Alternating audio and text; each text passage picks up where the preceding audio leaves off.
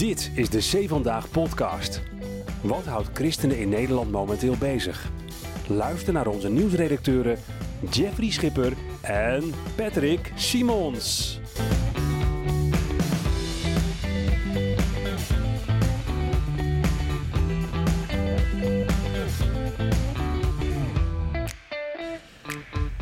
Een week na de Europese breuk tussen SGP en ChristenUnie wordt het tijd om te duiden en nieuwsberichten door te nemen. Onder andere over strenge reformatorische dominees.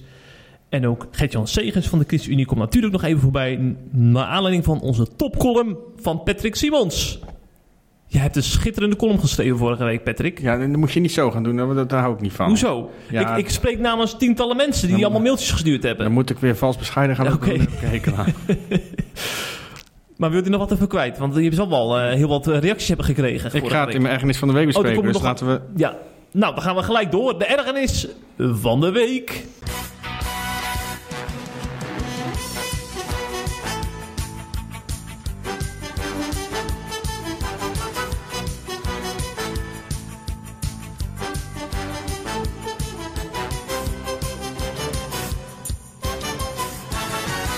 Ja, ik schreef dus vorige week een column, Jeffrey. Dat zal je vast niet ontgaan zijn, zoals je net zelf al aangaf. Ehm, en daar wil ik graag toch nog een keer op terugkomen. Ehm, kort samengevat ging mijn column over de reacties van christenen op eh Gert-Jan Segers, CU-fractievoorzitter, en op de ChristenUnie zelf.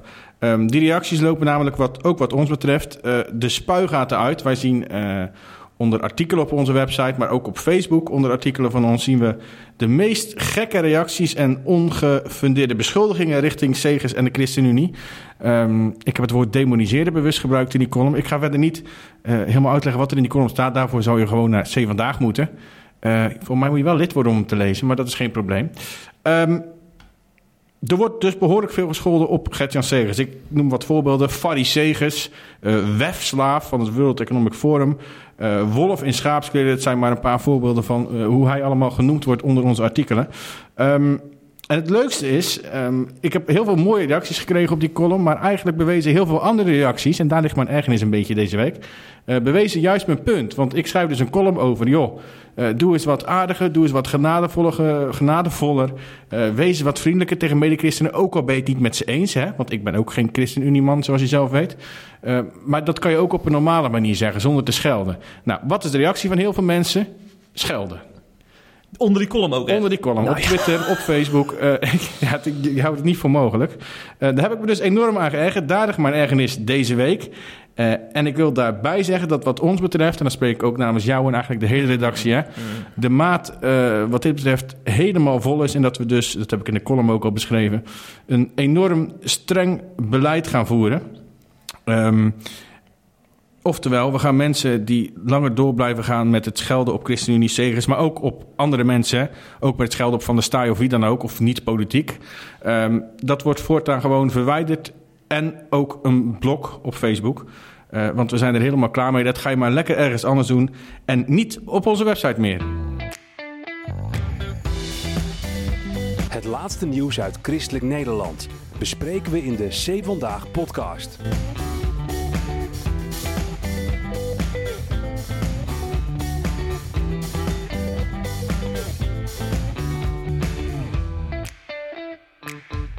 Ja, ik had het net al eventjes over de pijnlijke breuk van ChristenUnie en SGP in het Europees Parlement. Dat is een eh, citaat van de SGP zelf, die het heel erg pijnlijk vonden. Eh, de twee partijen die, eh, deden al bijna 40 jaar gezamenlijk mee aan de Europese verkiezingen. En daar gaat over twee jaar een einde aan komen. We hebben het natuurlijk over twee partijen die dicht bij onze achterban staan. Ze zijn onze achterban, denk ik. Hè? Ja. Dat is wel... dat kun je wel zo zeggen. Dus eigenlijk komt er ook een soort van breuk tussen eh, onze lezers, eh, helaas. Nee, Nee, zo zie je dat Nee. niet. nee. De partijen waren natuurlijk alleen eh, landelijk in Nederland zijn het al twee losse partijen. Ehm, ik geloof dat er op verschillende plaatsen in Nederland nog wel samengewerkt wordt, maar dat zijn meestal dan waar ze allebei eigenlijk vrij klein zijn. Ja. Maar ook daar zie je dat steeds meer dat ze eigen wegen gaan. Eh, en alleen in het Europees Parlement werkten ze wel samen. Maar ook dat was voornamelijk omdat ze dan samen eh, meer stemmen konden verzamelen. Ja, ja, en ze zijn op twee zetels uitgekomen. Dus uh, dit gaat wel pijnlijk worden over twee jaar dan misschien. Het zou heel pijnlijk kunnen worden. Ja, ja. Um, ja, sommige mensen zagen het al een beetje aankomen. Uh, ik zag bijvoorbeeld een, een, verslaggever van een kwaliteitskrant. Zag ik uh, melding maken van die fracties hè, waar ze nu allebei verschillend in zitten. De SGP uh, is aangesloten bij de ECR-fractie met Forum voor Democratie en ChristenUnie bij de EVP-fractie. En vanuit die verschillende fracties werkten ze dus samen. En nu is er dus recent besloten door de ChristenUnie, die hebben uiteindelijk de knoop doorgehakt, om niet meer op een gezamenlijke lijst te gaan staan. Ankie van Taathoven, de partijvoorzitter van de ChristenUnie, verwijst naar twee grote thema's: migratie en klimaat. Waarbij dus zichtbaar wordt hoe verschillend deze partijen uh, in de wedstrijd zitten. En om die reden heeft het volgens haar ook weinig zin om op één gezamenlijke lijst te staan. En SGP-voorzitter Dick van Meeuwen die legde juist de nadruk op de overeenkomsten. Die verwees naar christenvervolging, naar het ongeboren leven, naar de positie van Israël. Daar zou de samenwerking nog heel erg nuttig kunnen zijn. En daarom baalt hij ook echt van die, uh, ja. van die, uh, van die breuk. Die verslaggever waar ik het over had, uh, die een duidende column schreef over uh, deze kwestie, die had het over ongeloofwaardig uh, een ongeloofwaardige toestand die zou ontstaan als SGP en CU op één lijst uh, komen te staan. En daar heb ik uh, onze Rodi van Heijst, voorzitter van SGP Jongeren, op bevraagd. Want hij is namelijk helemaal niet mee eens dat die twee uit elkaar gaan. Hij verwijst bijvoorbeeld naar conservatieve CU'ers en progressieve SGP'ers... die juist erg blij waren met die samenwerking in Europa... om het christelijke geluid te laten horen. En hij verwees ook, vond ik wel leuk, naar het motto van de, de Europese Unie... in verscheidenheid verenigd dat, eh, dat zou Frans Timmermans op boven zijn bed hebben hangen, denk ik. Hè? Als grote EU-man. En uh, dat komt juist dan samen bij SGP en CU, die verscheidenheid. Die zou die een groot bed hebben? Frans Timmermans. Ik denk het wel. Ja. Ik, ik, heb pas een foto gezien op Twitter. Daar schrok ik wel een beetje van hoor. Wat? Dat hij zo groot is geworden? Ja, ja. Zijn huis is ook groot hè? Oké. Heel groot huis. Zou klimaatneutraal zijn? Tijd voor een onderzoekje zou je bijna zeggen. Ja. Dus kortom, eh, deze Rodi van Heijst, uh, ik, ik, vind, ik vind dat wel een, uh, een flamboyante voorzitter van de SGP Jongeren, moet ik zeggen. Flamboyant? Ja, ja die kwam goed over. Die, die, die, die, ziet juist de overeenkomsten. En ehm, wel, wel, ik ben wel eigenlijk wel benieuwd of, of hoe zeg maar, SGP en CU-leden in het algemeen hierover denken. Hè? Maar als je daar een peiling over zou houden... Of ze dan nadruk leggen op overeenkomsten of verschillen? Het is, een beetje, het is natuurlijk wel een beetje lang. Ik, ik moet heel eerlijk zeggen dat ik persoonlijk meer uh, richting de kant van de verschillen zou oh, gaan. Oké. Daarom vind ik het ook niet zo'n hele vreemde ontwikkeling wat je, wat je hier nu ziet. Um, het is eigenlijk heel simpel. CU en SGP vinden natuurlijk wel een gezamenlijke basis in, in, in, in het christelijk geloof, in de Bijbel. En vanuit dat uh, perspectief ook op punten als wat die jij net noemde: hè, uh, ongeboren leven, christenvervolging, Israël. Um, maar ze leggen wel verder, uh, politiek gezien, totaal andere accenten. Hè? Dat zie je landelijk heel goed. Uh, dat mag en dat kan. En ik denk dat de Bijbel daar zelfs ook wel ruimte voor biedt. Er is valt voor allebei wat te zeggen. Van, vanuit CU zou je kunnen zeggen, die sociale rechtvaardigheid, uh, klimaat, dat zijn hele belangrijke onderwerpen die je prima vanuit de Bijbel kan argumenteren. En heeft dat weer met andere onderwerpen. Um, maar ik denk dat daardoor samenwerking wel dus steeds lastiger mm, wordt. En dus snap ik best wel dat CU, uh, want het is ChristenUnie die de stekker eruit trekt. Ja. Even voor dat had je al gemeld. Mhm, maar goed, mm-hmm. ik snap best wel dat ze dat doen. Um, alleen, er is natuurlijk wel een groot nadeel. En dat is dat je, daar hadden we het net al even over. De kans bestaat natuurlijk, ze hebben nu twee zetels. En de kans is reëel dat je straks, uh, als nu gaan ze uit elkaar, dan zouden ze allebei één zetel hebben als het eerlijk verdeeld wordt. Maar het zou zomaar kunnen dat ze dan allebei naast een zetel grijpen. En dan heb je straks geen van beide partijen zijn dan meer vertegenwoordigd in het Europees Parlement. Zijn. Dat zou wat zijn, ja. En daarom, um, ja, je noemde net die parlementaire journalist. Um, die werkt voor een christelijke krant. Die schreef een column inderdaad. Um, en dat was, ja, ik moest daar wel om lachen. Die, die riep daar in, in die column riep die op, uh, de SGP op, om zich terug te trekken uh, uit, uh, uh, met van de verkiezingen voor het Europese parlement. Helemaal? Ja, want ah. dan geef je CU de mogelijkheid om alsnog die christelijke zetel te houden... en die kunnen dan ook SGP-standpunten oh, vertegenwoordigen. dat joh? Ik vond dat zo'n gekke zin. Ik vind het heel apart, want, want dan... dan, dan eigenlijk de CU trekt dus de sleutel, of trekt de stekker uit het stopcontact. En vervolgens zegt hij, SGP moet dan maar stoppen met meedoen aan de verkiezingen. Vind, vind, ik, ja, vind ik een beetje vreemd. Volgende keer schrijft hij nog dat ze zich moeten opheffen, die partij. Ja, ja, nou daar kwam het bijna bij in de buurt. Uh, ik zou daarom de SGP vooral willen oproepen om lekker mee te doen. En mijn stem hebben ze. Al moet ik ook wel zeggen dat ik heel erg fan ben van eh, Peter van Dalen, de Europarlementariër namens de ChristenUnie. Ik, ik kan het heel erg waarderen hoe hij altijd eh, opkomt voor vervolgde christenen en, eh, Ja. Ehm, eh, en het ongeboren leven.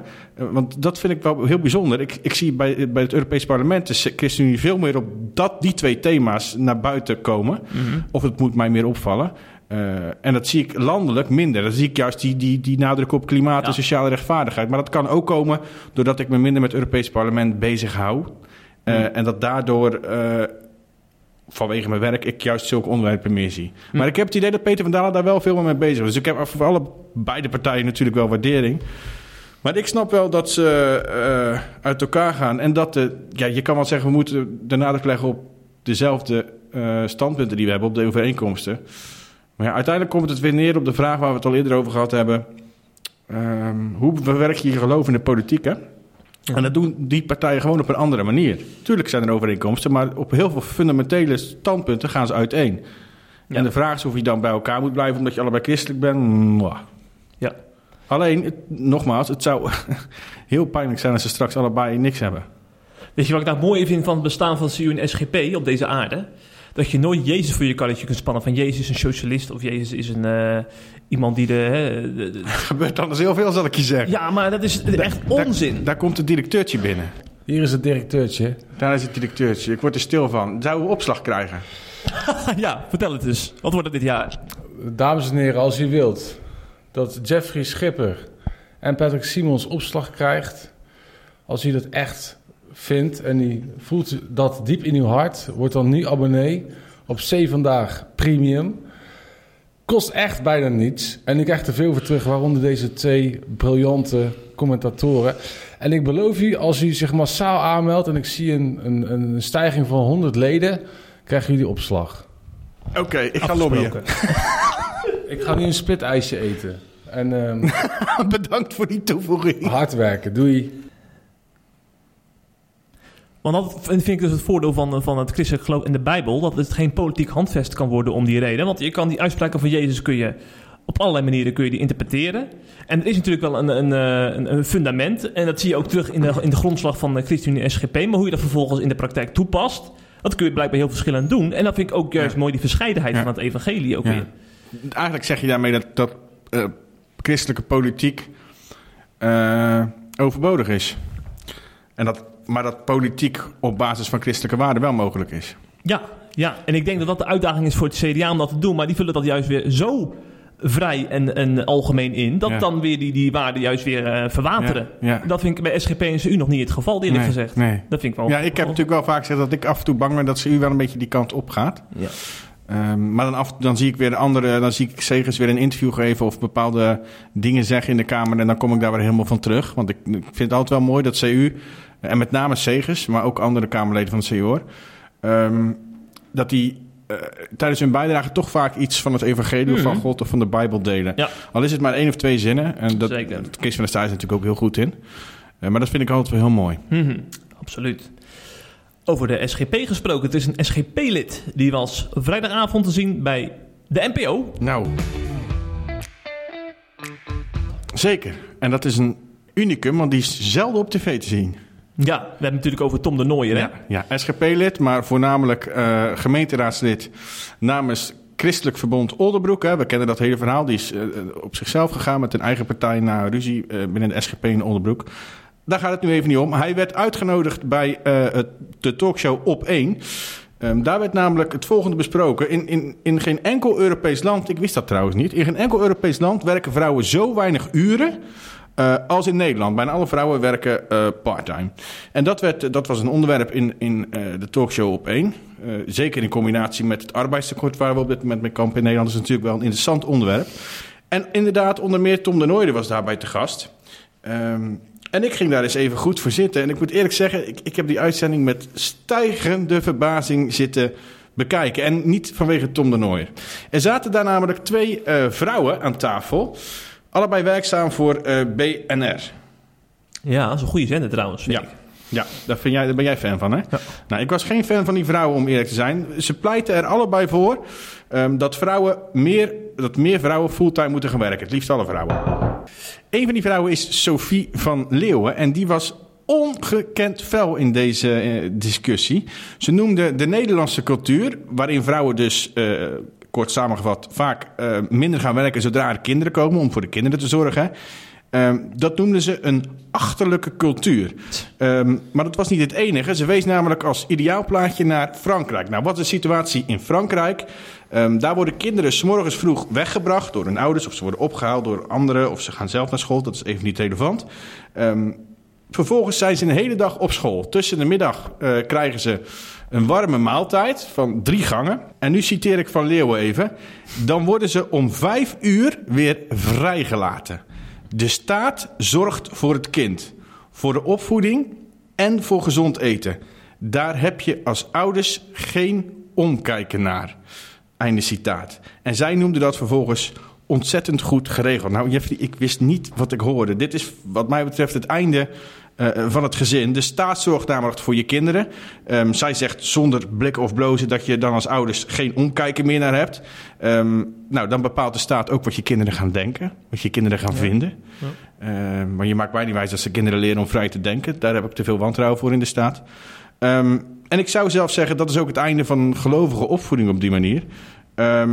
en ik vind dus echt dat we als christen hier valikant tegen zouden moeten zijn. En we altijd onszelf in zouden moeten zetten voor, een, voor het gezin. Dan komt hij als hoeksteen van de samenleving. Kijk. En dat we ons daarnaast ook individueel moeten inzetten voor onze eigen kinderen. Want laten we eerlijk zijn, ik ben geen vader, jij bent het wel. Wat is er nou mooier om als vader met je kinderen uh, uh, te gaan voetballen. Om, om, om ze voor te lezen s'avonds als ze naar bed gaan. Dat kan trouwens in dit geval nog steeds.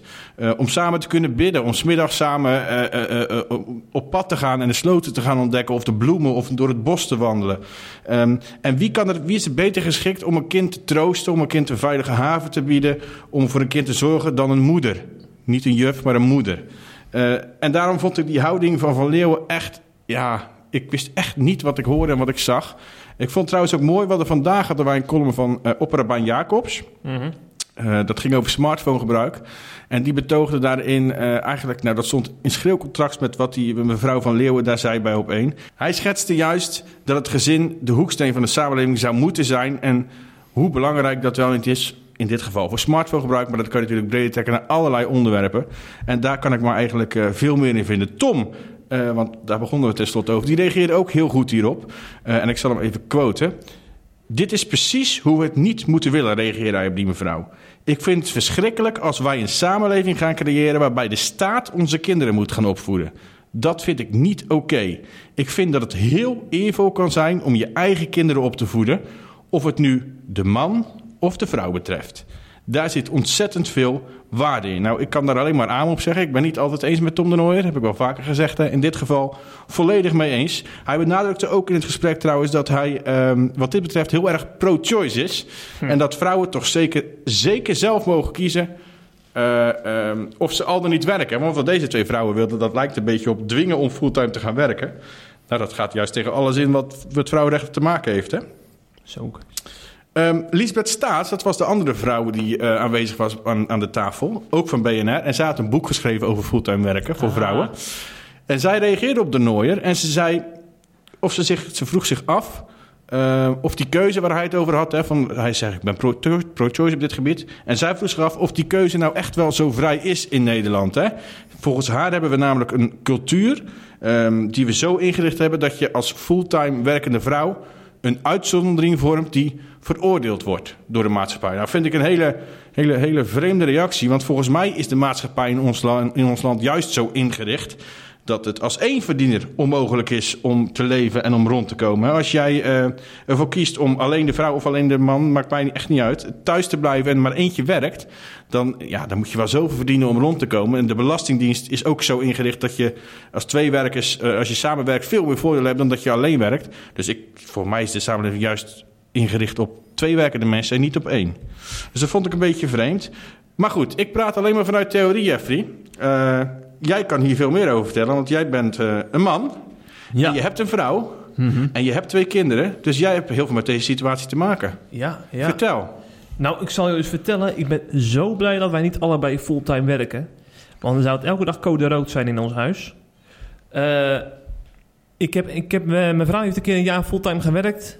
En eh, ze is bijna overspannen ervan geraakt. En toen had je, had je al een kind toen? Eh, hadden wij al een kind? Nee, die was er nog niet. Moet je nagaan. Ja, ja, ja, ja. ja. Eh, maar ik, ik denk ook, eh, inderdaad, los van kinderen, niet, niet ieder mens, niet ieder karakter is geschikt voor een fulltime baan. Want het is enorm intensief.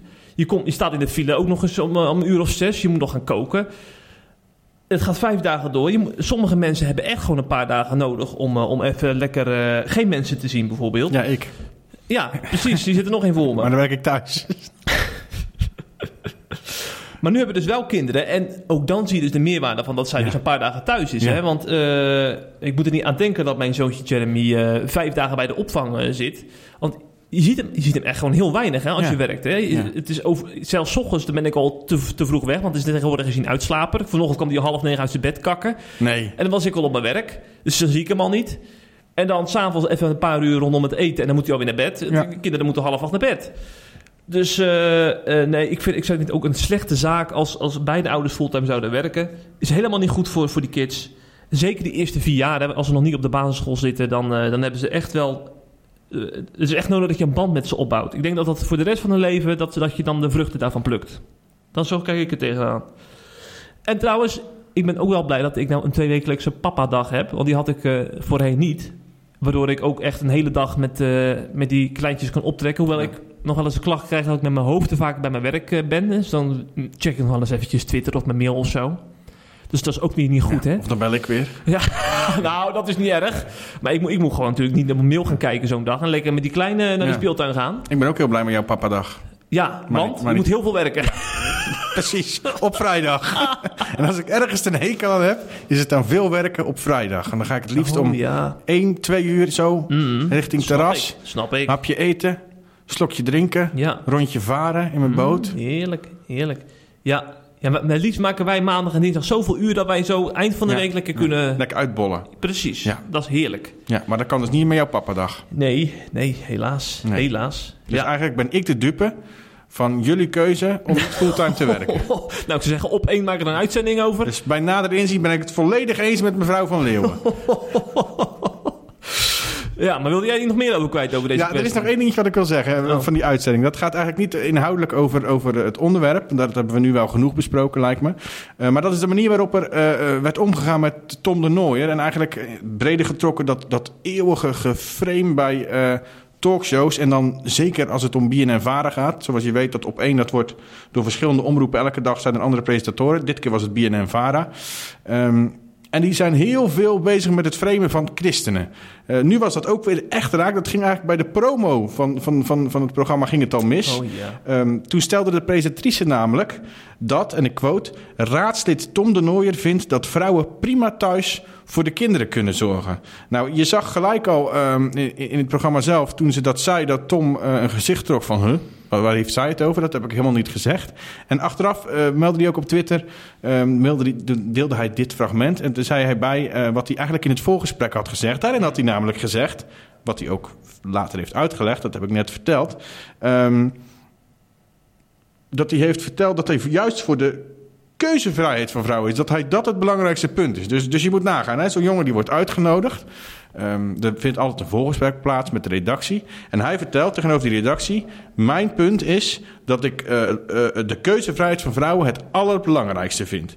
En vervolgens zegt die vrouw, eh die presentatrice van het programma... in de promo... Tom de Nooijer vindt dat vrouwen thuis voor de kinderen moeten zorgen. ja, dat is, als je het nou over vreemd hebt, dat is echt on, ongelooflijk. Ehm, en dat ging nog, ging nog door, want presentator Hugo Lochtenberg... eh, Die stopt ermee, hè, binnenkort. Gelukkig wel. ja, dat, die is altijd bezig met het framen en, en, eh, van christenen. Zelfs politici. Hè. Ik heb hem Oh. echt een keer tegen... Ja, ik weet nou niet meer of dat Segers of Van der Staaij was. Echt gewoon onbeschoft horen doen. Oh, oh, omdat hij over het geloof begon of zo. Hè. Echt, echt, echt heel naar. Echt gewoon bijterig, zeg maar.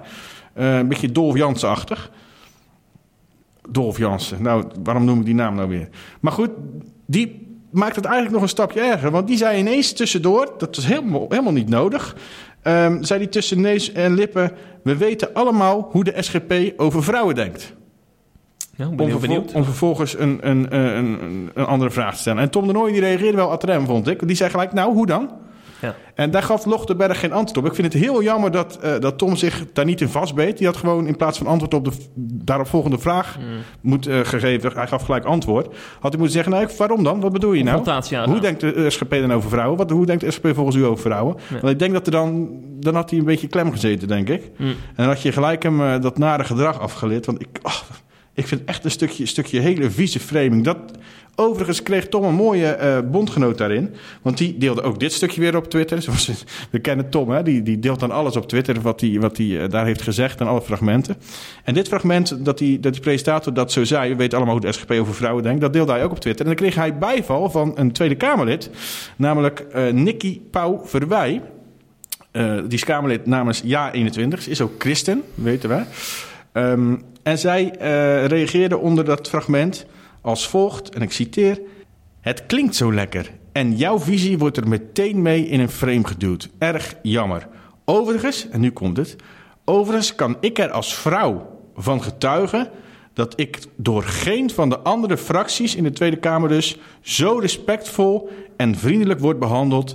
als door de heren van de SGP. Nou, dat is een compliment. Die kunnen eh, Van de Staaij, Bisschop en Stoffer... heel diep in hun zondagse zak steken. Ja, normaal gesproken ben ik toch altijd voor het luchtig afsluiten van een podcast. Maar deze keer gaat dat hem niet worden. Dit keer wordt het zwaar. Het wordt een hele zware afsluiting. Ja, en dat komt door dokter of dominee G.A. van der Brink. Hij wordt ook wel Gert van der Brink genoemd, want dat mag ook in de linkse kringen van de herstelde vorm de kerk. Herstel de kerk, ja. En eh, hij hield onlangs een lezing bij geloofstoerusting en die hakt er nogal behoorlijk in. En eh aanstaande vrijdag komt er een uitgebreid verslag op cvandaag.nl te staan. En ik denk dat heel veel mensen zullen schrikken van wat hij allemaal zegt. Maar dan bedoel ik ook wel schrikken in positieve zin. Dat hij eindelijk eens zegt waar het op staat. Volgens heel veel mensen die hier zo over denken. Er is namelijk een groot probleem in de reformatorische gezinte. En hij heeft de vinger op de zere plek gelegd. Maar voordat we naar wat uitspraken van Van der Brink gaan luisteren. Eerst Patrick, misschien moeten we schetsen wat er nou het probleem is. Ja. Hè? Ja, het ging over geloofzekerheid, hè? Ja. Nou, geloofzekerheid is een van de, nou, ik denk wel een van de grootste problemen, mogen we het wel noemen, binnen de reformatorische gezinten. En dan heb ik het voornamelijk over de rechterflank van de reformatorische gezinten. Ehm, daarin worden eh, veel mensen geloven daar, veel predikanten prediken ook. Veel kerken hebben het ook in de leer staan. Ehm, dat je niet zomaar tot geloof kan komen. Hè. Er moet eerst een, een bekering plaatsvinden. Sommige kerken preken dat zelfs dat het in bepaalde stappen moet gebeuren. Je moet eerst dit, je moet eerst dat, je moet eerst dat. En dan pas eh, kan je tot geloof komen. En dan pas mag je van jezelf zeggen dat je christen bent. Dan pas mag je aan het avondmaal ook. Hè. Die drempel wordt vaak heel hoog gelegd. Ehm, daar komt de uitverkiezingsleer bij, hè? ons niet onbekend. eh, waarvan sommigen gewoon zeggen: God heeft van tevoren bepaald die en die worden bekeerd en die en die niet. Ehm, dat geheel bij elkaar, die hele leer, ehm, zorgt ervoor dat heel veel mensen in dat soort kerken, en dan heb ik het eigenlijk over uh, gereformeerde gemeenten en de rechts daarvan, uh, en ook nog uh, de rechterflank van de CGK en de hervormde kerk en de herstelde ke kerk ook. Um, daardoor zijn heel veel mensen onzeker over hun geloofsleven. Hè? Want er wordt ook soms wordt gewoon vanuit de preekstoel letterlijk gezegd: bedrieg jezelf niet voor de eeuwigheid. Sommige mensen uh, hebben een gestolen Jezus. Dus die denken zomaar dat ze geloven in Jezus of dat ze er zijn. Maar ze zijn er niet. Want er moet wel echt eerst een, een, een bekering plaatsvinden. Een bekering is dan een hele bijzondere ervaring. Hè? Bekering is niet zoals we in de evangelie zien... Uh, dat Levi uit de tol uitkwam en achter Jezus aanging. Of, of, of, of Zacchaeus die in de boom zet en gewoon Jezus gehoorzaam en uit de boom kwam. Maar de bekering is dan zoals Paulus. Hè? Dus oh, ja. er moet een hele bijzondere ervaring plaatsvinden... waarbij God je stilzet en dan moet je um, doordrongen worden van je schuld en van je zonde... Uh, je moet wel voldoende zondebesef hebben eerst, want anders is het ook weer niet echt. Er worden allerlei eigenlijk een soort van voorwaarden gesteld om tot geloof te komen. En pas dan ben je een kind van God. En dat is in de loop der, nou, ik zou bijna eeuwen zeggen, maar ik denk dat het iets korter is.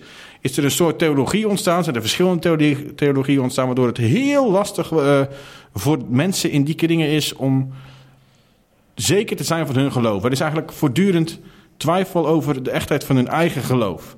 Uh, en daardoor ja, worden mensen soms echt bij Christus, bij God en bij Jezus vandaan gehouden. Uh, dat zorgt voor heel veel wrijvingen, voor heel veel problemen. Uh, en ook voor heel veel kritiek. En dat is dus wat deze dominee bedoelt. Ja, zeker. Laten we naar deze dominee gaan luisteren. hij heeft het over het evangelie van de kleine lettertjes die heel veel dominees... dus aan deze kant van de revogezinten volgens hem prediken. Dit is niet een aanvulling op het evangelie. Het is ook niet een verzwakking van het evangelie, maar dit verwoest het evangelie als je dit zegt. Want wat gebeurt er, hè? Wat gebeurt er als jij zo denkt? Je hoort die boodschap van het evangelie. Over de helsfeiten, over de zaligmaker. Je hebt de zaligmaker nodig. Jezus is die zaligmaker. Alles in dat evangelie, dat, dat ja, hoe zeg ik dat? Dat is één, één richting. Het wijst alles naar geloof dit, aanvaard dit, vertrouw erop. God roept je hierin. God toont zijn liefde. En Jezus toont zijn barmhartigheid. Geloof dit. Maar, zeggen heel veel dominees, pas op, pas op. Dat lijkt wel zo, dat lijkt wel zo, als de, of de beslissing valt bij het geloof. Maar dat is niet zo. Want die echte beslissing valt ergens anders. Niet in het evangelie, niet in het geloof, maar in de uitverkiezing of het werk van Christus, of de bekering of de zondebesef of wat dan ook, ergens anders. Ja, zeg je, maar hoe weet ik dat? Hoe weet ik of ik uitverkoren ben? Hoe weet ik of ik bekeerd ben? Hoe weet ik of de Heilige Geest in mij werkt? Vertelt het evangelie mij dat? Nee. Nee. Dus dan zitten we met deze situatie. We horen het evangelie. Dat is goed, dat is mooi, maar niet beslissend. En we kunnen bijna of helemaal niet weten wat de beslissing dan wel is. Het evangelie is vol met pracht, maar zonder kracht. Het evangelie is mooi, maar niet beslissend. En wat wel beslissend is, is niet bekend. Dus God opent het boek van het evangelie. Elke keer. En je hoort een prachtige boodschap. Maar straks, op de oordeelsdag, als wij voor God staan, wat doet God dan? Dat is het beeld wat, wat te veel dominees geven. Op de oordeelsdag slaat God met de klap het boek van het evangelie dicht en hij opent een ander boek en het boek van de uitverkiezing is beslissend.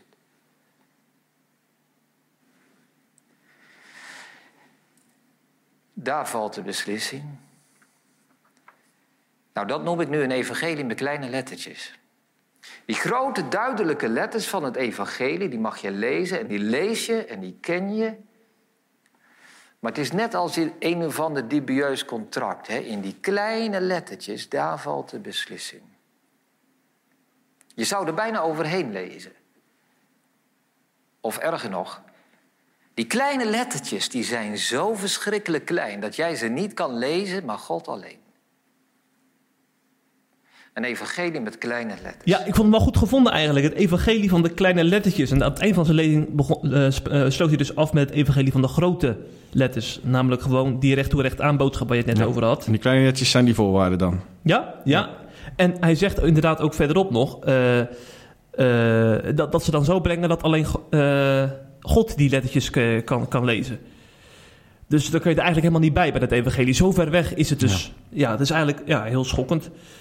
Misschien goed om gelijk naar het tweede fragment uh, Ja, het is voor de mens onmogelijk om tot God te komen... tenzij God het op een bijzondere manier tot je brengt, zeg ja. maar. Ja. Dus jij kan nooit, jij kan het niet grijpen. Je Mm. bent armloos. Ja, dat wordt letterlijk Geen arm om het te grijpen, geen voet om er naartoe te lopen. Ja. Ja, je Ja. kent het. Fragment 2 gaat over het evangelie als een valstrik. En eigenlijk, als je naar de prediking van die dominees luistert, dan krijg je de indruk dat het evangelie een valstrik is. Zo'n booby trap. Een landmijn waar je opstapt. En je moet maar goed uitkijken dat je niet gelooft. Want dan stap je tenminste niet op de landmijn. Het is zo'n zo'n gemene klem. Zo'n muizenval waar wat lekkers in zit, maar oh wee als je eraan komt. Dus het water van het evangelie is fris en heerlijk en koel. En je hoort de roep, neem ervan. Maar als jij niet uitverkoren bent, is het puur gif. Want als je er toch van drinkt, ben je dood. En het brood des levens, dat hemelse mannen dat uit de hemel is neergedaald. Als jij niet uitverkoren bent, als jij niet bekeerd bent, als je geen ellendekennis hebt, als Jezus niet voor jou gestorven is, dan zit daarin het venijn van de verdoemenis verborgen. Pas op, pas op. Nou, dan snap je, die dominees gaan natuurlijk jou niet oproepen om het evangelie te geloven. Ze waarschuwen er tegen. Ze waarschuwen daartegen. Want, zeggen zij, de beslissing valt ergens anders. En wat je dan hoort is dit. Vraag maar veel of je bekeerd mag worden. Vraag maar of je ellende kennis krijgt. Wacht maar tot het moment dat God jou openbaart of je uitverkoren bent. Ja, want dat evangelie, dat is... Dat evangelie is niet zo betrouwbaar. Wat je ook doet, je mag heel veel doen, maar één ding moet je zeker niet doen. Je moet vooral niet Jezus aannemen als jouw zaligmaker. Kijk uit, want wie het wel doet, waarschijnlijk de kortste weg naar de hel. Daar valt de beslissing niet. Ja, dan zeg je, maar, maar, maar een dominee mag toch waarschuwen? Dominee moet toch waarschuwen? Ja, een dominee moet waarschuwen. Hij moet waarschuwen tegen de hel, maar niet tegen het evangelie. Hij moet waarschuwen tegen ongeloof, niet tegen geloof. Hij mag niet zo preken dat jij bang voor God wordt. En dat jouw wantrouwen tegenover God wordt gevoed. En dat je denkt, God houdt mij een prachtig evangelie voor, maar zijn intentie en zijn bedoeling is dat ik verloren ga. Ja, ik vraag me af of mensen realiseren hoe schokkend het is wat hij zegt. Hè? Want we hebben het dus over, over de, de boodschap die ons leven gewoon echt uh, identificeert. Het ja. evangelie waar we uit leven. En de meest rijke boodschap die er maar kan bestaan. En dan heeft hij het over een landtermijn en een muizenval. Het is toch bizar eigenlijk, dat het zo wordt gepresenteerd dan? Ja. En het is nog niet eens overdreven dan wat hij zegt, als ik jou zo hoor. Ja. Uit eigen ervaring, dat je die anekdotes weet. Nou ja, eigen ervaring, dat is niet helemaal Ja, waar. van- van- ik ben in, en voor mijn kerk opgegroeid. Ja, maar je hoort het uit direct, directe omgeving, toch? Ja, van mensen ja, die daar wel ja, dat vandaan wel. komen. Nee, ik, eigen ervaring is helemaal... Ik, ik ben bijna bij het tegenover. Ik ben onder professor Dr. De Reuven, Jeffrey, waar ik altijd over Ja.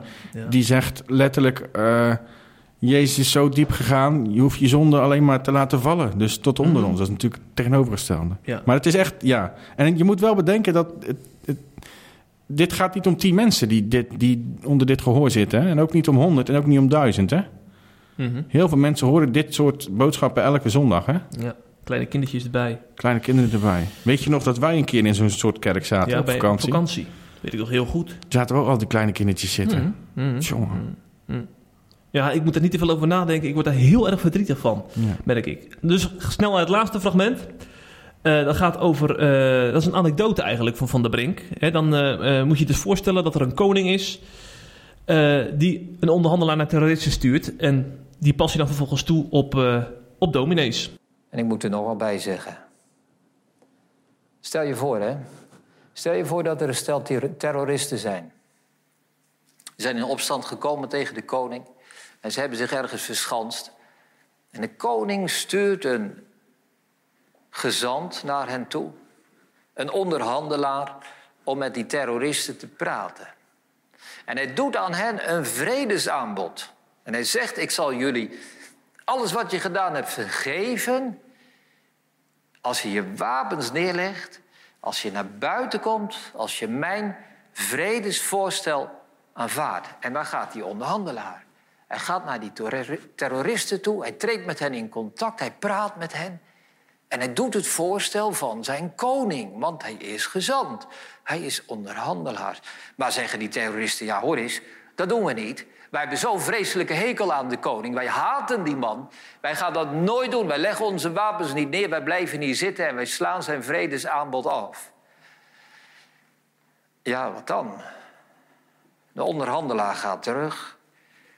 En die komt bij zijn koning en hij brengt verslag uit. Koning, zegt hij, ik ben bij die terroristen geweest. Ik heb uw voorstel gedaan.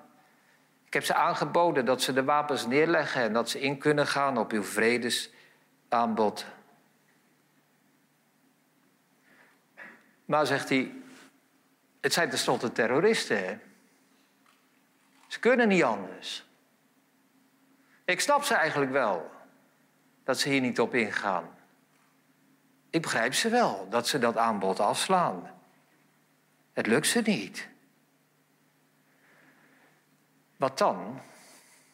Nou, zo iemand is, is allereerst natuurlijk een waardeloze onderhandelaar. Maar in feite is hij mede-terrorist geworden. Hij is geen onderhandelaar meer van de koning. Hij is gezant geworden van de terroristen. Nou, als een dominee dit doet, wij dan gezanten van Christus wegen, dat is zijn opdracht. Alsof God door ons bidt. Wij bidden nu van Christus wegen. Dat moet een dominee doen.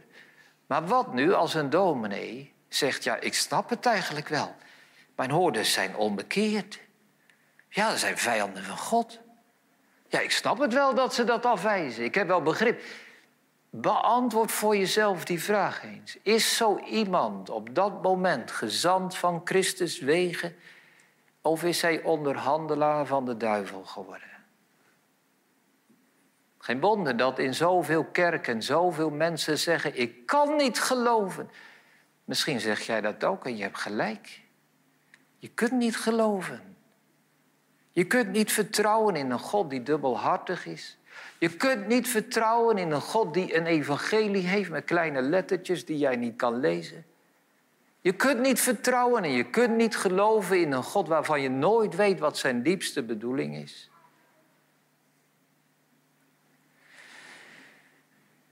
Nou zeg iemand, ja maar wat dan? Kijk, ik heb er ook over mezelf, voor mezelf over nagedacht. Ik zei het aan het begin, een beetje grappig, grappend. Ja, ik ben een gunnende dominee. Ik, ik ben helemaal niet zo'n gunnende dominee. Als ik nu de zaal in kijk en jullie zie, ben ik niet gunnend genoeg en ben ik niet voldoende bewogen met jullie eeuwige bestemming. Ik zou er veel meer bewogen onder moeten zijn. Ik ben er niet, te weinig. Het zou mij veel dieper moeten raken dat wellicht sommigen van ons verloren gaan en de eeuwigheid in pijn en dood moeten doorbrengen. Ik voel te weinig, ik erken het. En toch sta ik hier vanavond, want dit gaat niet over dominees, dit gaat over God. En ik moet vanavond onderhandelen. Ik moet vanavond gezant van God zijn. En ik wil geen onderhandelaar van de duivel worden. Als ik vanavond het evangelie niet zou brengen, mijn zaligheid hangt ervan af. Hè? Want ik ben geroepen om God te dienen. En God mag mij verdoemen en God zal mij verdoemen als ik niet vanavond het evangelie breng van een goede God. Als ik vanavond eraan mee zou werken dat iemand van ons straks de zaal verlaat en meer geneigd is tot ongeloof dan tot geloof. Als ik een beeld van God heb gegeven als iemand die, die je moet wantrouwen. Wee mij, zegt Paulus, en ik zeg het ook, wee mij als ik het evangelie niet verkondig. Dit is scherp hoor. Ja, ik denk dat, eh, dat, Oei, oei, oei. dat dat nog niet eerder gebeurd is dat bij een interkerkelijke lezing iemand zo scherp was over eh, collega-predikanten. Dat is ook nog eens een dominee uit, uit, eh, uit de hersteltoekomende kerk. Hè? Het is niet zomaar een een of andere hobbytheoloog die eh, voor, voor drie man eh, in Veenendaal een lezingje houdt. Ik denk dat dit wel eh, een invloedrijke man is. Ja, ik, ik ben het helemaal met hem eens trouwens, maar het is echt wel heel scherp gezegd. Ja, ja, ja, ja, ja. Dominees zijn ongelooflijk belangrijk. Hè? Als je elke, elke zondag duizenden mensen, of al zijn het er 100 of 500, ehm, vertelt over God. En je vertelt ze elke zondag dat je niet zomaar naar God mag komen. Of dat, je, dat het niet zomaar van jou is. Of, of je waarschuwt ze voor God in plaats van ze. Want dat gebeurt letterlijk. Hè? Men- Mensen worden gewaarschuwd voor een bekering in plek van opgeroepen tot een bekering. Zeker, dat zegt hij. Ja. Van pas op dat je jezelf niet bedriegt enzovoort. Ja, dat is echt, echt. Dus ik vind het heel goed dat deze boodschap juist vanuit deze kant nou eens ter sprake komt. Hè? Want dat, kijk, als, een, als een, een evangelische voorganger dit vertelt, dan komt dat niet zo binnen binnen de reformatorische zin. Ja, nou, dat is toch een evangelische. Maar iemand vanuit eigen kring, een hersteld hervormde predikant, als die dit vertelt, ik denk dat dat wordt dus natuurlijk veel serieuzer Zeker, genomen. zeker. Ja. Ik vind het mooi ook dat hij zich gewoon kwetsbaar opstelt in zo'n lezing. Dat, dan zegt hij ook van dat hij in de voorbereiding echt over na heeft gedacht. Moet hij dit nou echt vertellen? Want eh, eh, het is natuurlijk best wel... Hij, weet zelf ook wel hoe schokkend deze boodschap is. Maar dat hij dan toch echt zegt van... Hè, als ik voor God sta, dan kan ik niet anders dan, dan dit zeggen. Want om, God zal mij verdoemen als ik, als ik eh, een evangelie breng dat rechtstreeks tegen hem ingaat. En daarom wil hij echt waarschuwen. En ik denk met het oog op die mensen die in die zaal zitten. Hè? Want die man, die denkt net als, ik, net als jij aan al die kinderen in die, in die kerk eh, eh, waar wij toen op vakantie eh, waren. Mm, Die denken natuurlijk van, eh, ik, moet- ik moet ze echt die waarheid vertellen Ja. die ze onthouden wordt. ja. Overigens laten we onszelf vooral niet verheffen boven Nee. mensen uit die Nee, maar dat is hè. natuurlijk het gevaar dat we, Ja. dat we dat gaan doen, inderdaad. Zeker wel. Ja, dat vind ik ook. Want wat ik, ook, wat, ik, wat ik wel altijd vind, is dat mensen uit die, eh, dat soort kringen, ehm, los van die geloofszekerheid, hè, zijn dat modelchristenen, vind ik vaak. Dat zijn mensen die veel, waar ik jaloers op ben, die zich veel beter aan, aan, eh, aan Gods geboden kunnen houden en netter leven. eh, heel dan ik, dan ik. Daar ben ik jaloers op, zeg maar. Dus dan, zou, dan bedenk ik bijna, stel dat die mensen eh, eh, eh, geloofszekerheid zijn hebben. Dan zouden dat, dan zouden dat echt levende getuigen zijn. Veel meer dan ik ben en dan jij bent. Hmm. Ik wil niet over jou oordelen. Jawel. maar veel meer dan wij zijn. Dan, dan, dan weet je, hetzelfde idee met wat we wel eens over Israël zeggen. Als die Ja. tot geloof komen, Ja. die kennen de schrift zo goed. Zo. Dat worden geweldige getuigen. Nou, dat denk ik dus vaak ook van die, Ja. van die streng reformatorische christenen. Die, ik ben echt jaloers op, heb ik het echt over mijn eigen omgeving dan, hè. Hoe dichtbij God die kunnen leven, hoe vertrouwen, Gods vertrouwen, bijna nooit twijfelen. Al dat vertrouwen op God Ja. bij ziekte en zo, Ja. weet je wel. Mhm. Heel dichtbij, maar dan toch door die, door die theologie en die prediking geen geloofszekerheid hebben. Dat is zo jammer. Het is echt zo jammer. Hm, hm, hm. Ja, ja. Ja. Maar laten we ook niet vergeten... eh, eh, zo'n stichting als jij daar, of zo'n geloofstoerusting, of... eh, Ja, ja maar en- die, zijn, die focussen zich daarop. Hè. Ja, en daar zijn echt de laatste tientallen jaren veel mooie dingen gebeurd, hoor, voor jongeren die eh, tot leven geloof zijn gekomen. hele mooie dingen, ja. En eh, naar een bijbelschool gingen vervolgens en op zendingsreis, weet ik het allemaal. Dus eh, gelukkig gebeurt dat ook. Ja, Laten we het daar vooral over schrijven. hele goede stichtingen zijn dat. Ja. Dat jij daar loopt dat toch een beetje Ja. trouwens?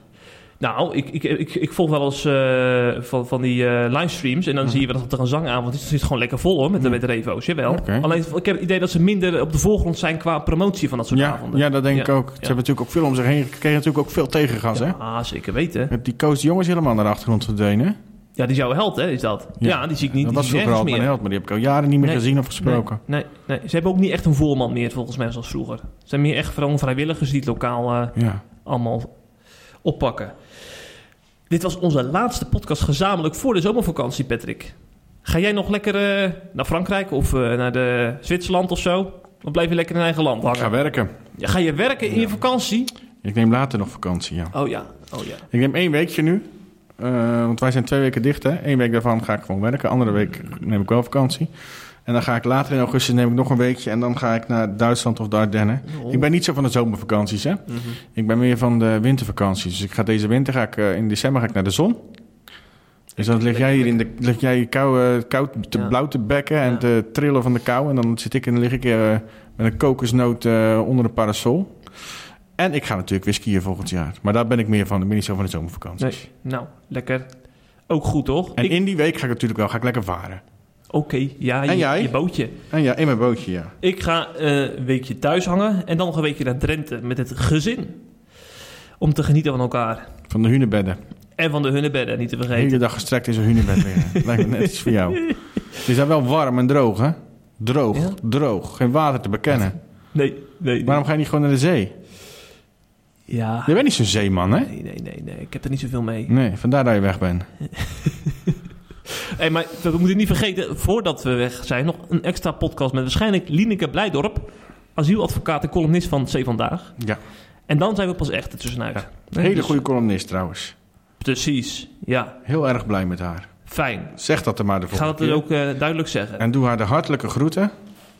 Ik zal er nou misschien ook nog even een briefje meegeven dan, als, jij, als wij zo dankbaar zijn voor haar. Een briefje van vijf. Ik heb hier een biljet van 5 euro. Die komt uit de collectezak van de C Vandaag event. Waarom heb jij die dan in je zak? Die heb ik gekregen vanwege mijn harde werk voor C Vandaag. Dat zei, eh, de- de- de- hoe heet die? Staat er ook iets op? Directeurtje zei dat tegen En mij. waarom, krijgt, waarom geeft directeurtje aan jou een briefje van vijf?